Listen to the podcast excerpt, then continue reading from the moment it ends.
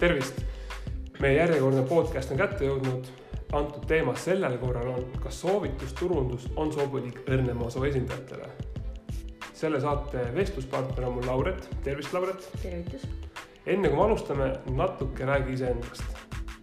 ma olen kahekümne aastane, lõpetasin gümnaasiumi aasta aega tagasi ja kui ma gümnaasiumi lõpetasin, siis äh, ma olin punktis, kus ma usun, et väga paljud on olnud, ehk siis mul ei olnud äh, päris ausalt õrna aimu, mida oma eluga peale hakata.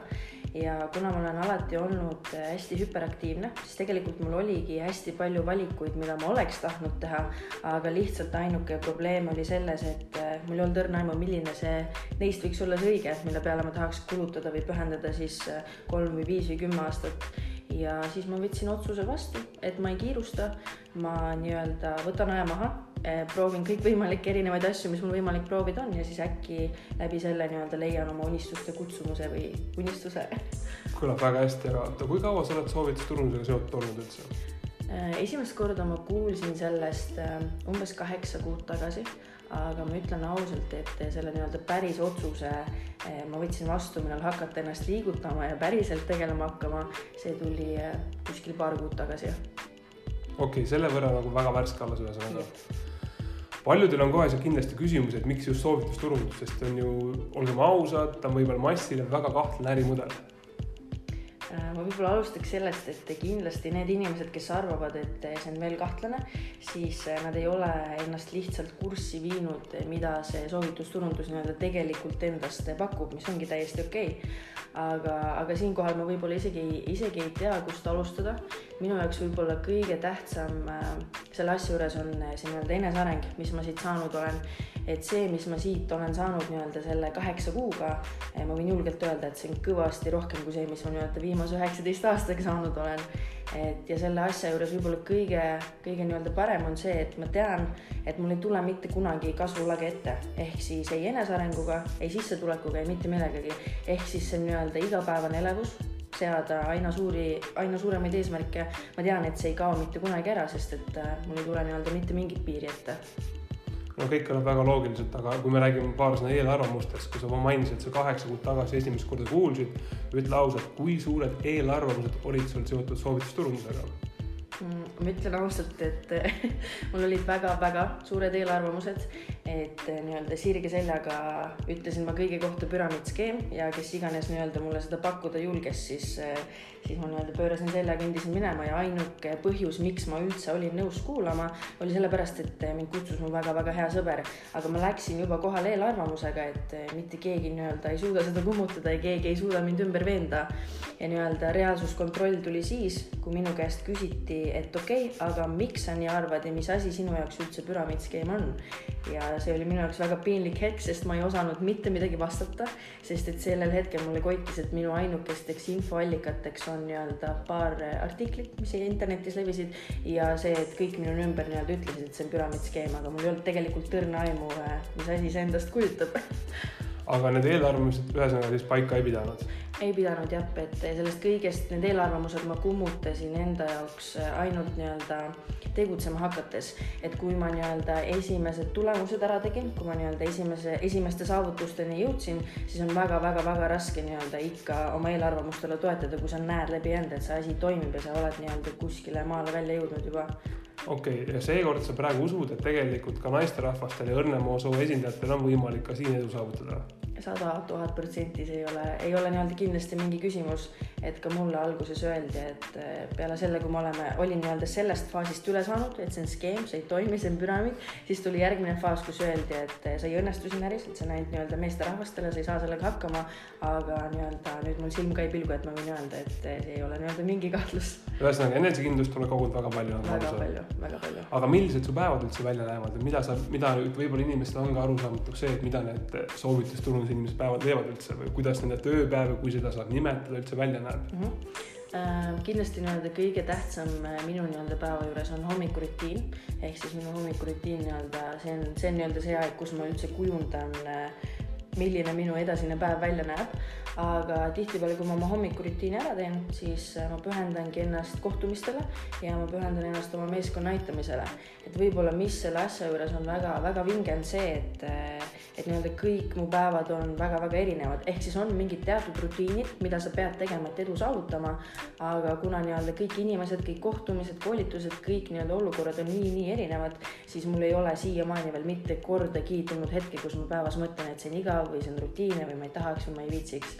et see on nagu väga vinge kui me just enne rääkisime kohtumistega, et kas sa pigem teed kohtumisi näost näkku praegu või proovid asju teha üle online'i? Ma ütlen ausalt, mulle meeldis kordades rohkem saada inimestega kokku. Ja kui nii-öelda tekkis see koroona olukord ja me olime sunnitud online'i kolima, siis ma ei olnud üldse kindel, kas see mulle meeldib ja kas see hakkab toimima, tegin seda kohati, kohati nii-öelda vastu tahtmist, aga loomulikult peale seda ma sain aru, et, et nii-öelda online on kõige, kõige võimsam võimalus, mis, mis praegu laual on. et enne, kui ma nii-öelda, mul olid mingid piirangud, sest ma pidin vaatama, et inimene oleks minuga ikkagi nii-öelda samas piirkonnas või samas asukohas, siis nüüd mul ei ole tegelikult absoluutselt vahet, mis riigis või kui kaugel see inimene on, peaasi, et tal oleks nii-öelda internetiühendus. seega võimalused on sada korda suuremad ja loomulikult see ka, et ma tean, et ma saan seda kõike üles ehitada niimoodi, et kui ma isegi võib-olla päevas kordagi kodust välja ei lähe no see on väga paljude inimeste unistus, et saaks teha kodus niimoodi tööd, ja et ei pea üldse nagu kodust välja liikuma. aga me enne rääkisime natuke oskustest, et just mainisid ka, et enesekindlust on hästi palju juurde tulnud, et võib-olla ütle, milliste oskuste kallal pidid sa kõige enam ennast arendama üldse mm,? kindlasti üks kõige tähtsam asi oli äh, mugavustsoonist väljatulek ehk siis enne mul oli väga vahva komme, et kohe, kui ma tundsin ennast, kui mul tuli mingi ärevus või hirm või ma tundsin, et ma ei taha või see on jube, siis mul oli komme nii-öelda kõik asjad katki jätta, pigem, pigem peita pea kuskile teki alla, mitte midagi teha. aga just tänu sellele valdkonnale ma olin sunnitud tegema asju isegi siis, kui ma ei tahtnud, ma ei julgenud, ma kartsin ja peale nii-öelda kõiki neid asju tehes, siis siiamaani kõik kõige paremad valikud, otsused, sündmused, kõik on tulnud peale seda, kui ma tunnen, et see on hirmus ja praegu on see nii-öelda mugavus komfortstsoonist väljatulek pigem nauditavaks tegevuseks saanud, sest ma tean, et alati peale seda tuleb äh, midagi väga head. ühesõnaga, ma arvan, sa oled nõus minuga, et kui ma ütlen, et edu algab seal, kus lõpeb mugavustsoon. sada protsenti kindlasti. Võib-olla ka sellest natuke, et nüüd sa oled olnud juba umbes kaheksa kuud, kui ma ei eksi mm. -hmm võib-olla suurim viga, mida sa tegid, kui sa alustasid ja kui sa täna mõtled selle peale, sa kohe kindlasti täna seda ei teeks mm,? ma usun, et kõige suurem viga oli see, et äh, ma kuulasin väga-väga-väga palju teiste inimeste arvamusi. teiste inimeste arvamused olid minu jaoks nagu kuld, ma elasin nende järgi. Ehk siis alguses, kui mulle nii-öelda ümberringi üheksakümmend üheksa protsenti inimestest ütlesid, et ma ei jõua mitte kuskile ja see ei toimi, siis äh, ma ehmusin ära ja, ja kuulasin seda kõike.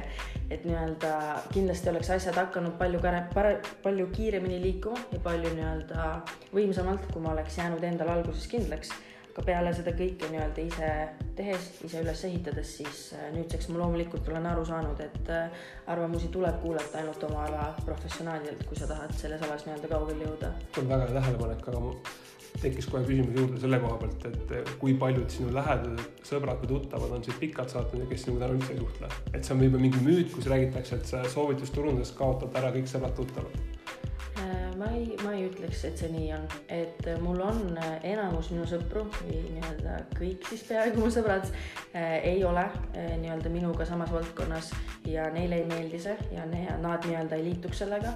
aga mina ei näinud kunagi nii-öelda mõtet selle pärast kellegiga nii-öelda suhteid ära rikkuda. et kindlasti ei ole see nüüd nii, et ma olen kõigiga vaenlane, kellegiga ei suhtle, vaid pigem on see nii, et nad teavad, et ma teen oma asja. ma neid sellega ei torgi ja nii-öelda, kui me kokku saame või räägime, siis me pigem seda teemat ei puuduta puuduta. et loomulikult mu vanemad ka mind ei toeta, aga ma olen sada protsenti otsuse vastu võtnud, ma ei nii-öelda ei tagane sellest, nii et me oleme jõudnud kokkuleppele, et me lihtsalt ei puuduta seda teemat. väga targad otsused, et aga ütleme, kui me hakkame vaikselt juba lõpupoole jõudma, võib-olla mingi kaks soovitust inimestele, kes on alustanud, alustanud, äh, kes, kes on justkui nagu alustamas või on juba tegevad soovitusturundusega, mida sa neile annaksid praegu? Mm,? kõige tähtsam sõna, mida ma meeles kindlasti peaks, on järjepidevus. see on asi, millega ma ise tegin ka alguses vea. et loomulikult alguses, kui keegi mingi uue asjaga alustab, siis äh, hoog on laes, motivatsioon on laes, energia on laes, aga me, meist keegi ei ole robot, see on paratamatu, et mingi hetk see hoog ja nii-öelda kõik langeb ja kõige tähtsam ongi sii-, see hetk kus isegi sellel ajal sa lihtsalt push'id edasi, sa teed edasi, sa nii-öelda jätkad selle teekonnaga, et tegelikult suur vahe tulebki selles, et on inimesed, kes nii-öelda sellel hetkel lõpetavad ära ja on inimesed, kes sellel hetkel nii-öelda push ivad edasi ja täpselt peale seda perioodi nii-öelda esimesed tulemused tulidki, ehk siis kindlasti pidada meeles äh, järjepidevuse kommet. okei okay,, aga teiseks võtame, kui üks on järjepidevus, mis teine olla võiks? Äh, kindlasti alguses, kui sa oled alustanud, siis äh, luua väga-väga-väga-väga palju action'it. et samamoodi viga, mis ma alguses tegin, äh, kui ma alustasin, siis ma leidsin võib-olla nädalas tunnikese, et sellega tegeleda siis ma mõtlesin, et ma pingutan jube palju, et miks ma tulemusi saavutan või miks ma kuskile ei jõua. Ja nii kui ma nii-öelda hakkasin action'it looma, hakkasin tegutsema, siis need tulemused tulid väga kiirelt. ehk siis nii-öelda, kui sa liitud, siis võimalikult lühikese aja jooksul teha väga-väga-väga palju. ühesõnaga siis järjepidevus ja kiire tegevus and action. kui me nüüd hakkame täitsa lõppu jõudma, siis võib-olla kindlasti loed raamatut, eks ole? kui me, anna palun kuulajatele võib-olla kolm raamatut, mis on sind nagu, mis on sulle kõige rohkem meeldinud, võib-olla, mis kõige rohkem on kõnetanud sind? Kindlasti mõtlemist muutis rikkaks, sada protsenti. siis äh, mind väga kõnetas äh, Seitse hindamatut kasvuseadust ja mida ma kindlasti soovitaks kõigile lugeda, vahet pole, millega sa tegeled või mis su elu nii-öelda eesmärgid on. Eh, miks sa oled rumal, haige ja rahast lage ja kuidas saada nutikaks, terveks ja rikkaks. väga hea, ma mainima, et see viimane raamat on endagi lugemata. Aga siinkohal tahan ka otsad kokku võtta, tahan öelda suur-suur aitäh Lauretile. Ja võib-olla me kohtume ka järgmine kord kindlasti veel, kõike head sulle. sulle ka